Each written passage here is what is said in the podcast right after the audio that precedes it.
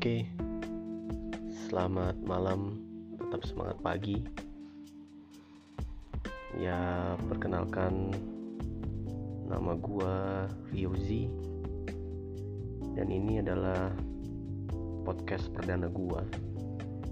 Mau coba ikut mencoba masuk ke dunia podcast. Dan Malam ini tentunya saya ingin bercerita tentang siapa Ryozi. Jadi nanti setelah ini episode-episode selanjutnya banyak yang akan gua bahas tentang apa aja. Mulai dari kehidupan, mulai dari kegiatan sampai tentang dunia ini. Kenapa gue ingin buat podcast tahun 2020 di kondisi sedang mewabahnya virus corona? Ya mungkin karena kebanyakan orang saat ini sedang lagi getol-getolnya bekerja di rumah. Ya mungkin itu istilah gue tapi saat ini gue ternyata tetap kerja. Tetap berbuat sesuatu. Bukannya berarti nggak mau di rumah aja pengen sih. Tapi kenyataannya nggak bisa juga karena nanti gue ceritain kenapa. Balik lagi tentang gue tentu se Indonesia banyak yang nggak tahu gue ya memang gue ini siapa juga nggak ada yang kenal. Tapi sebagian kecil sekali mungkin banyak yang tahu tentang gue ya di sini gue akan cerita dulu mengenai latar belakang kegiatan dan lain-lain. Jadinya kalau teman-teman sudah dengar tentunya episode-episode selanjutnya jadi lebih lebih apa ya lebih dekat lagi lebih mengenal lagi dan tentunya konten-konten yang gue buat nanti semakin menarik. Oke kalau gitu apa yang gue akan cerita? Yang pertama kali ini adalah gue ini basicnya adalah seorang musisi atau bisa dibilang pemusik. Lalu pemusik yang bagaimana ya pemusik yang seperti layaknya orang bermain alat instrumen. Dan kebetulan gua memainkan alat musik itu adalah piano dan keyboard untuk zaman sekarang. Buat gua piano itu adalah jiwa gua. Karena gue dari kecil dari mulai kelas 3 SD itu sudah les. Ya pertama-tama bukan piano gue les tapi elektron gue belajar di Yamaha Musik gue ingat banget itu di Jalan Bumi di daerah Mestik. Itu ada uh, Yamaha Music ya. lalu setelahnya itu gue lanjut uh, paralel belajar piano. Kebetulan gue harus pindah ke Sumatera di sana memperdalam lagi. Ya sekolah tetap seperti biasa tapi pada dasarnya musiknya lebih di atas segala-galanya. Karena mungkin karena keturunan orang tua gua yang bokap gua basicnya adalah gitaris dan vokalis hard rock di zamannya. Masih pakai sepatu Lars panjang lah. Jadinya gue ikut-ikutan. Ada darah darah musisi dan selanjutnya gue terus belajar musik sampai kuliah. Sedangkan kuliah gue ya normal kuliah manajemen ekonomi pada saat itu. Tapi di sisi musik istilahnya kalau di daerah itu sudah mentok nggak bisa naik lagi istilahnya naik level. Akhirnya gue putusin. Sekitar tahun 98 gue harus balik ke Jakarta. Karena memang lahir gue di sini biarpun darahnya orang Sumatera. Ketika gue balik tentunya yang ada di pikiran gue adalah bekerja di dunia musik. Jadi pada saat gue ke Jakarta yang gue hubungin pertama kali ya pastinya link-link gue yang terdekat. Ya salah satunya link gue yang terdekat adalah sampai detik ini gue manggilnya Om. Ya Om Purwacaraka. Dan waktu itu juga gue siapa ya? Oh ya ada Mas Avi kalau di Indonesia taunya David Klein lalu juga gue kontak yang deket sama gue juga namanya Mas Wiwi GV tapi kebetulan dia di Malang. Ini adalah musisi-musisi hebat. Dan setelah itu gue mulai berkarya mulai bekerja. Dan berkarya ini saat itu gue mulai start kerja di distributor alat musik di daerah Roxy Mas. Di situ gue awal karir bagaimana cara bekerja dengan orang. Dan gaji gue inget banget zaman itu tahun 98 sekitar 400 ribu nggak salah. Ya 400 ribu. Buat gue waktu itu antara gede sama kecil gue nggak tahu. Tapi ya gue jalanin sambil belajar tapi di situ gue buka iklan gue inget banget. Gue masukin ke pos kota. Iklannya adalah gue uh, ngajar keyboard. Atau bisa disebut waktu zaman dulu musik teknologi akhirnya mulai ada satu-satu yang datang untuk les sama gue dari situ ada uang tambahan. Dan perjalanan ini gue ketemu satu musisi hebat juga. Ya namanya Mas Didi AGP beliau seorang komposer hebat Indonesia juga bikin musik film dan gue banyak belajar dari dia. Se selain itu juga gue belajar banyak dari Om Purwa jelas dari kecil. Dan akhirnya gue jadi istilahnya sih ya, karena temen mungkin jadi asisten lah jadi kalau Om Purwa itu bikin musik sinetron nah gue ikut. Bantuin dia tuh dulu. Sambil belajar. Terus ketemu Mas Didi gue belajar lagi akhirnya kerja bareng dan akhirnya jadi sahabat. Jadi temen deket dan akhirnya berkolaborasi buat buat musik sinetron dari zamannya Jini Ojini boneka Poppy Mister Hologram dan lain-lain. Banyak dah pokoknya.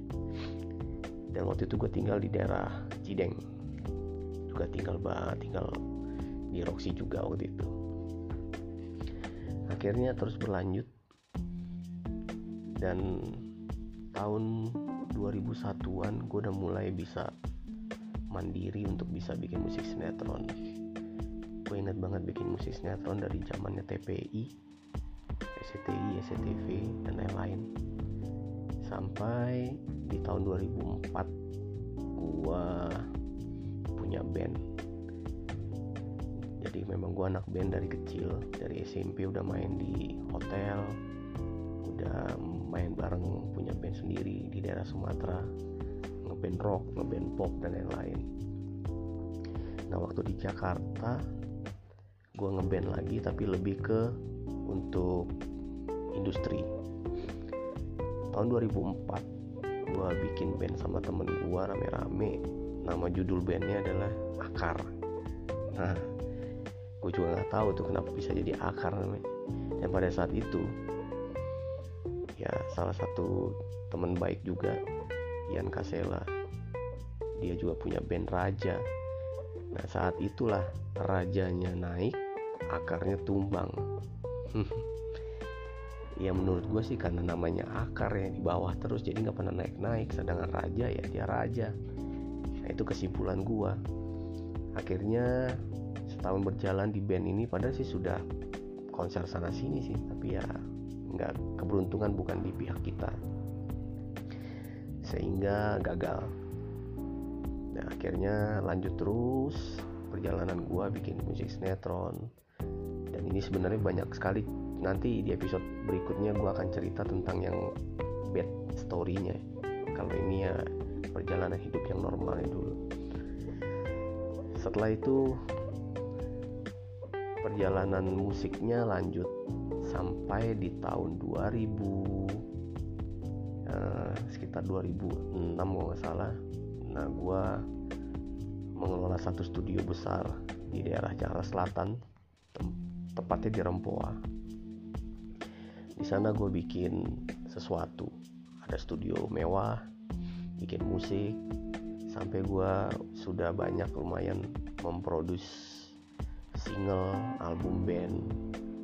Dan dari perjalanan di antara tahun 2000-an sampai sekitar 2012 kayaknya itu gue udah ngerjain banyak sekali kolaborasi dengan musisi-musisi hebat yang senior-senior artis-artis yang luar biasa mulai dari yang artis senior banget mulai dari uh, Tante Titi Puspa uh, Tante Vina Panduwinata sampai artis-artis yang lebih muda lagi sampai pernah ngerjain juga di proyeknya albumnya Agnes. Terus bikin albumnya Warna dan kemarin sempat bantu juga bikin di albumnya Indah Nevertari nah itu ada satu kisah lagi. Dan ini semuanya gue kolaborasi sama musisi-musisi hebat. Dan perjalanan ini nanti juga akan gue ceritain detailnya di episode-episode selanjutnya. Tapi dari tahun 2006 ini gue ngelola satu studio sampai pada akhirnya di 2009 gue memutuskan uh, hangkang ceritanya Kenapa? Pada tahun 2008-2009 gue punya satu band juga namanya Mahadewa. Ini adalah band proyek gue, gue bikin lagi untuk industri. Tapi kenyataan bintang tidak hadir di band kita. Akhirnya bisa dianggap gagal. Karena keegoisan ya dan semua-semuanya dan akhir band ini tidak bisa jalan sukses. Padahal fasilitasnya sangat luar biasa untuk band ini. Di sini gue banyak temen di band ini nanti gue ceritain juga karena bisa panjang kisah-kisahnya. Dan uh, band ini sebenarnya sudah tinggal dijentikin cari aja udah jadi band ini tapi ya kenyataannya nggak nggak bisa jadi. Akhirnya gue kubur dalam-dalam dan gue hengkang. Akhirnya gue bersikap untuk kayaknya nggak mungkin ya di dunia musik.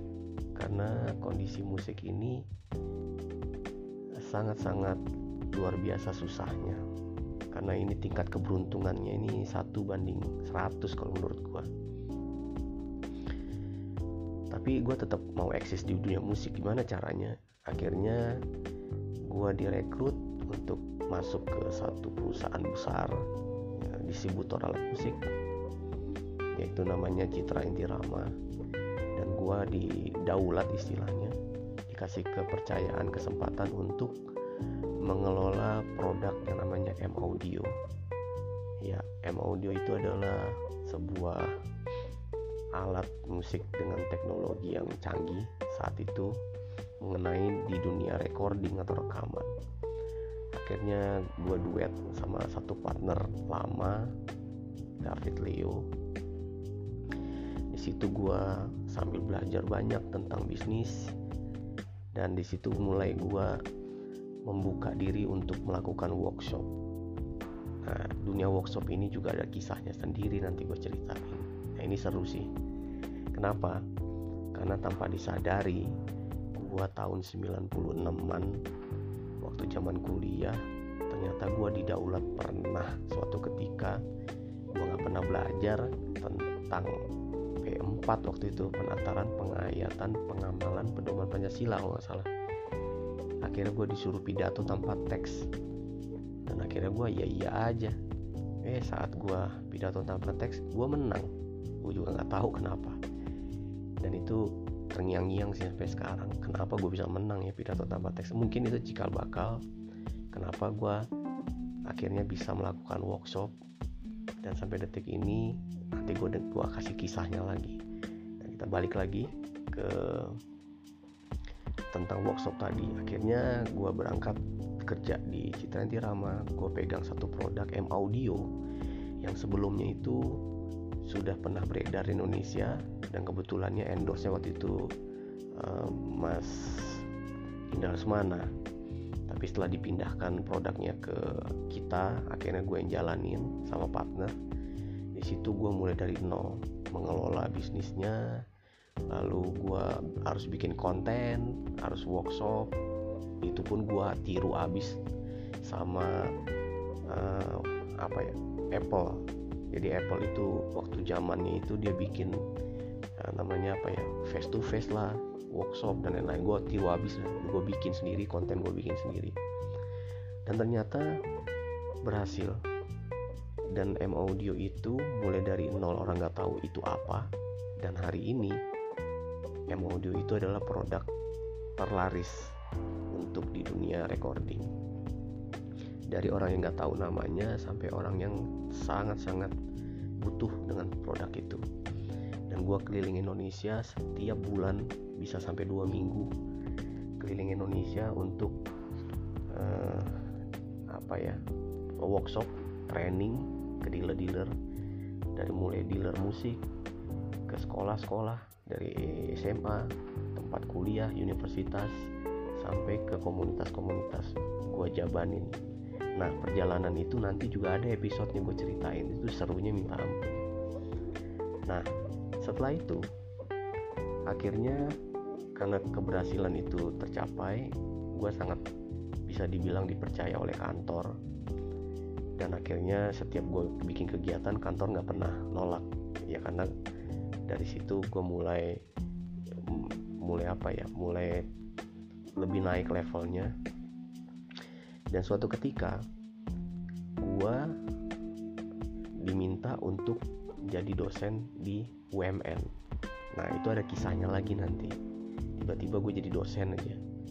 Di sana gue dosen sekitar tahun 2010-an sampai 2012 habis itu gue nggak uh, jadi dosen lagi kenapa nanti ada ceritanya lagi itu itu seru juga Nah, ketika jadi dosen itu, gue ngajar sebagai dosen musik film ya di Fakultas DKV, Desain Komunikasi Visual. Di situ gue ngajar, ya gue pede ngajar kenapa? Karena gue punya basic-basic untuk bisa berbicara depan umum dan lain-lain gitu. Dan sampai situ gue juga harus bikin silabusnya dan lain-lain. Dan akhirnya berkembang. Dan UMN pada saat itu lab musiknya pakai produk M Audio secara keseluruhan. Semakin seneng lah kantor gua dan akhirnya berkembang-berkembang. Nah, dulu gue punya cita-cita, gue pengen punya sekolah musik. Angan-angan ceritanya. Dan ini selalu gue sampein sama partner gue dan dia juga pengen bikin sesuatu yang sama. Udah kita coba sekitar 15 tahun yang lalu, ya mulai coba sana, coba sini, kegagalan sana kegagalan sini. Dan akhirnya eh, sekitar lima tahun yang lalu partner gue ini pergi ke Shanghai ngeliat. Biasanya setiap tahun sekali itu bulan Oktober ada Shanghai Music Fair ya. Jadi di situ ada festival atau apa bisa dibilang pameran exhibition untuk alat-alat sedunia alat musik terutama. Selalu kalau dia pulang dari sana dia cerita sama gue wah di sana dunia pendidikan musiknya luar biasa. Begini begini begini begini. Ya gue dengar ceritanya doang tapi kan gue nggak lihat. Tahun berikutnya lagi dia pergi lagi ngoceh-ngoceh lagi pulangnya.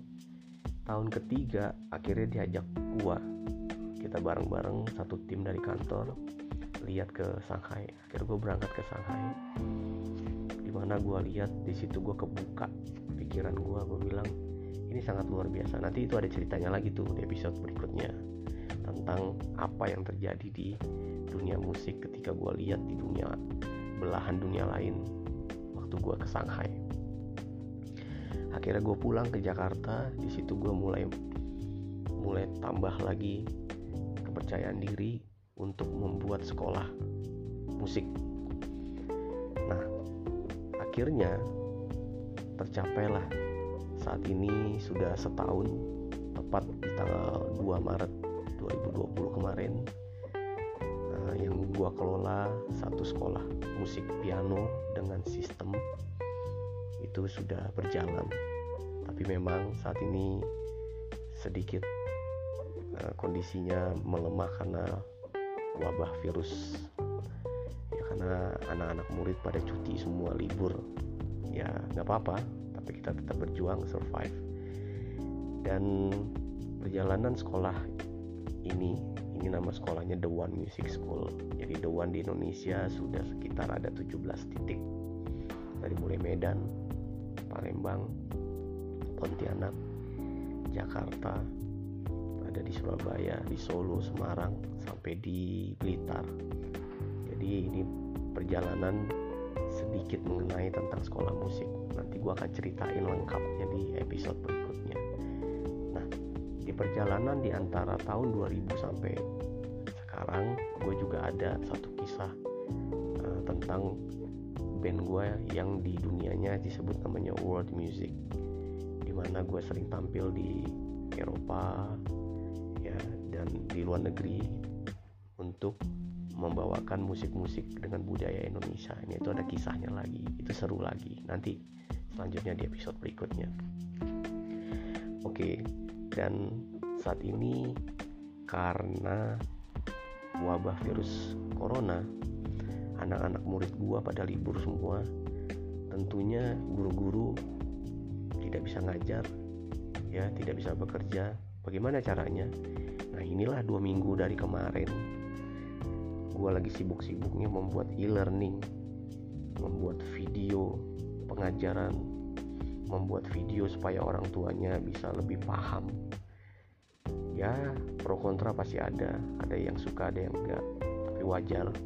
Tapi intinya adalah gua pengen berbuat sesuatu agar murid-murid gua ini tidak tidak diam aja di rumah. Dia tetap bisa belajar musik terutama piano tentunya materi-materinya harus dibuat dengan bagus supaya menarik.